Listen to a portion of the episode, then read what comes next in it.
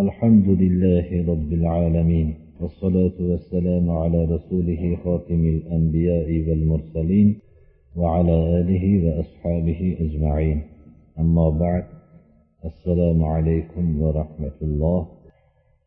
بسم الله الرحمن الرحيم. عن أبي عبد الله جابر بن عبد الله الأنصاري رضي الله عنهما أن رجلا سأل رسول الله صلى الله عليه وسلم فقال أرأيت إذا صليت المكتوبات وصمت رمضان وأحللت الحلال وحرمت الحرام ولم أزد على, على ذلك شيئا أأدخل الجنة؟ قال نعم. إمام مسلم رواية جابر بن عبد الله bu kishidan rivoyat qilinadiki bu kishi rasululloh sollallohu alayhi vasallamning huzurlariga kelib agar men farz namozlarni o'qisam ramazonda ro'za tutsam halolni halol deb bilsam haromni harom deb bilsam va shu halolni halol deb bilishlikni ma'nosi shu halol yeb halol kiyib yurishlik sharti bilan. Haromni harom deb bilsam dedilar ya'ni haromni harom deb bilishlik shuni haromdan ijtinob qilib o'zi saqlanib yurishlikni ham shu ma'nosini hadisni sharhida shuni ko'rsatilyapti. Shundan ortiq amal qilmasam jannatga kiramanmi deb so'radilar. Payg'ambarimiz sollallohu alayhi vasallam ha dedilar biz hadis shariflarni ba'zi mazmunlarni bilishlikda faqat hadisning mazmuninigina bilib qolmasdan bu hadislar qachon aytilgan kimga aytilganligi haqida ham bilmoqligimiz kerak. Mana bu hadis bir tomondan jomi ya'ni boshqa mazmunlarni ham o'z ichiga oluvchi deb ma'no bersak ham vallohu alam bo'ladi. Masalan halolni halol deb bilsam haromni harom deb bilsam degan so'zning taxtiga shu narsalar ham dohil bo'ladiki masalan zakotni berishlik farz edi. Bu yerda zakot kalimasi kelmayapti. Zakotni berishlik farz ediyu shu haromni harom deb bilsam halolni halol deb bilsam degan kalimani taxtiga ham dohil bo'laveradi. Zakotni berishlik farz edi. Shunga e'tiqod qilsam degan kalima mana shu kalimadan mazmunidan bilinaveradi. Yoyinki zakot bermaslik harom haromni harom deb bilsam degan kalimani taxtiga dohil deb e'tiqod qilsak ham bo'laveradi.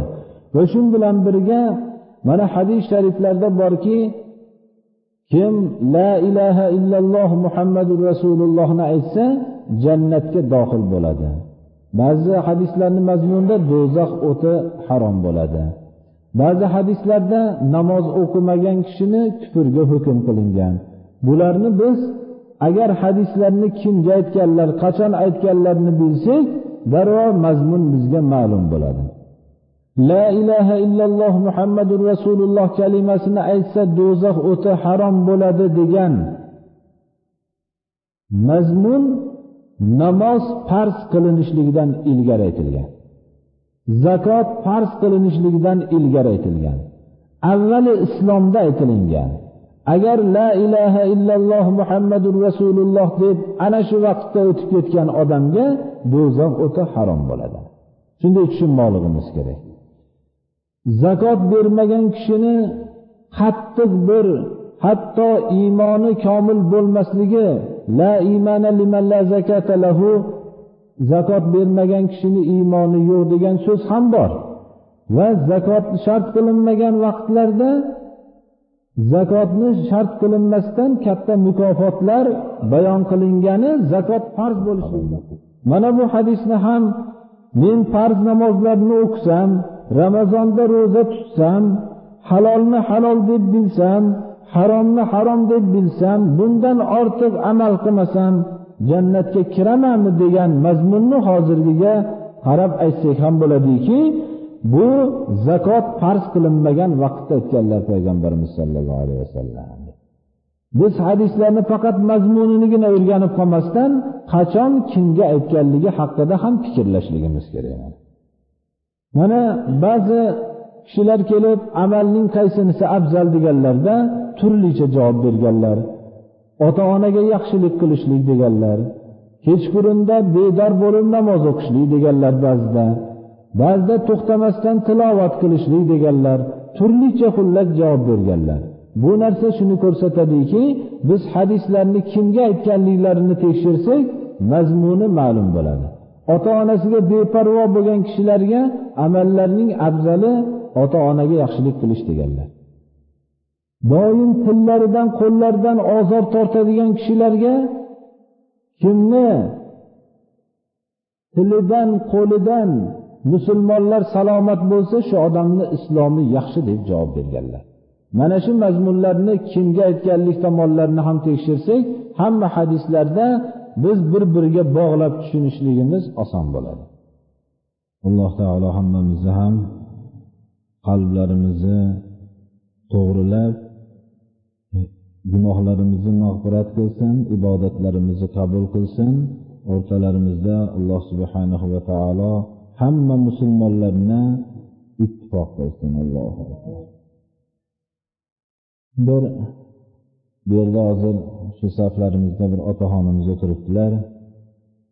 Bu kishi o'zlarini bir mazlum bo'lganligini shikoyat qilib hozirgi voqealarda ancha mazlum bo'lganliklarini shikoyat qilib bir nabiralari notob bo'lib hozir bemorxonada yotibdi ekan. Kechadan beri iltimos qilib bir shu meni bisotimda shu nabiram bor xolos.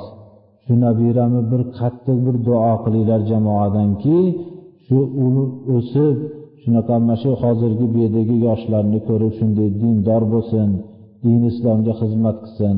Ancha betobligi bor.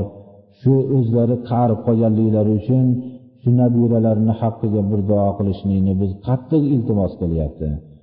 Payg'ambarimiz sollallohu alayhi vasallam ba'zi vaqtlarda allohimma hannin alayna quluba ibadik va imaik deb shunday duo qilar ekanlar.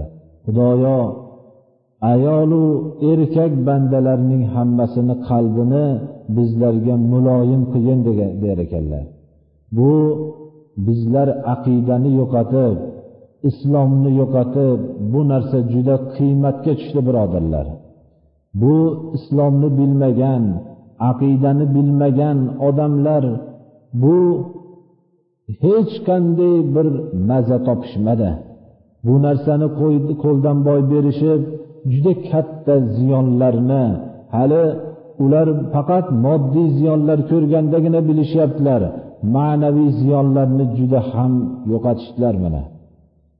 Duo qilaylikki alloh subhanahu va taolo shu otaxonimizni nabirasini va shu bilan birga mazlum bo'lib qolganlarning hammasini olloh o'zini himoyasiga olsin.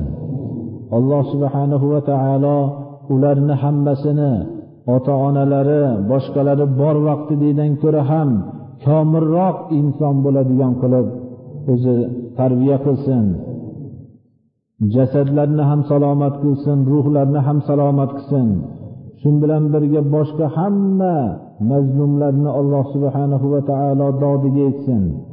Bu zolimlarni kim shu zulm qilib shu ishlarni uyushtirgan bo'lsa alloh subhanahu va taolo bularni bir o'zi jazosini bersinki boshqa dunyodagi boshqa zolimlarga ham bu ibrat bo'ladigan qilib ko'rsatib qo'ysin alloh taolo.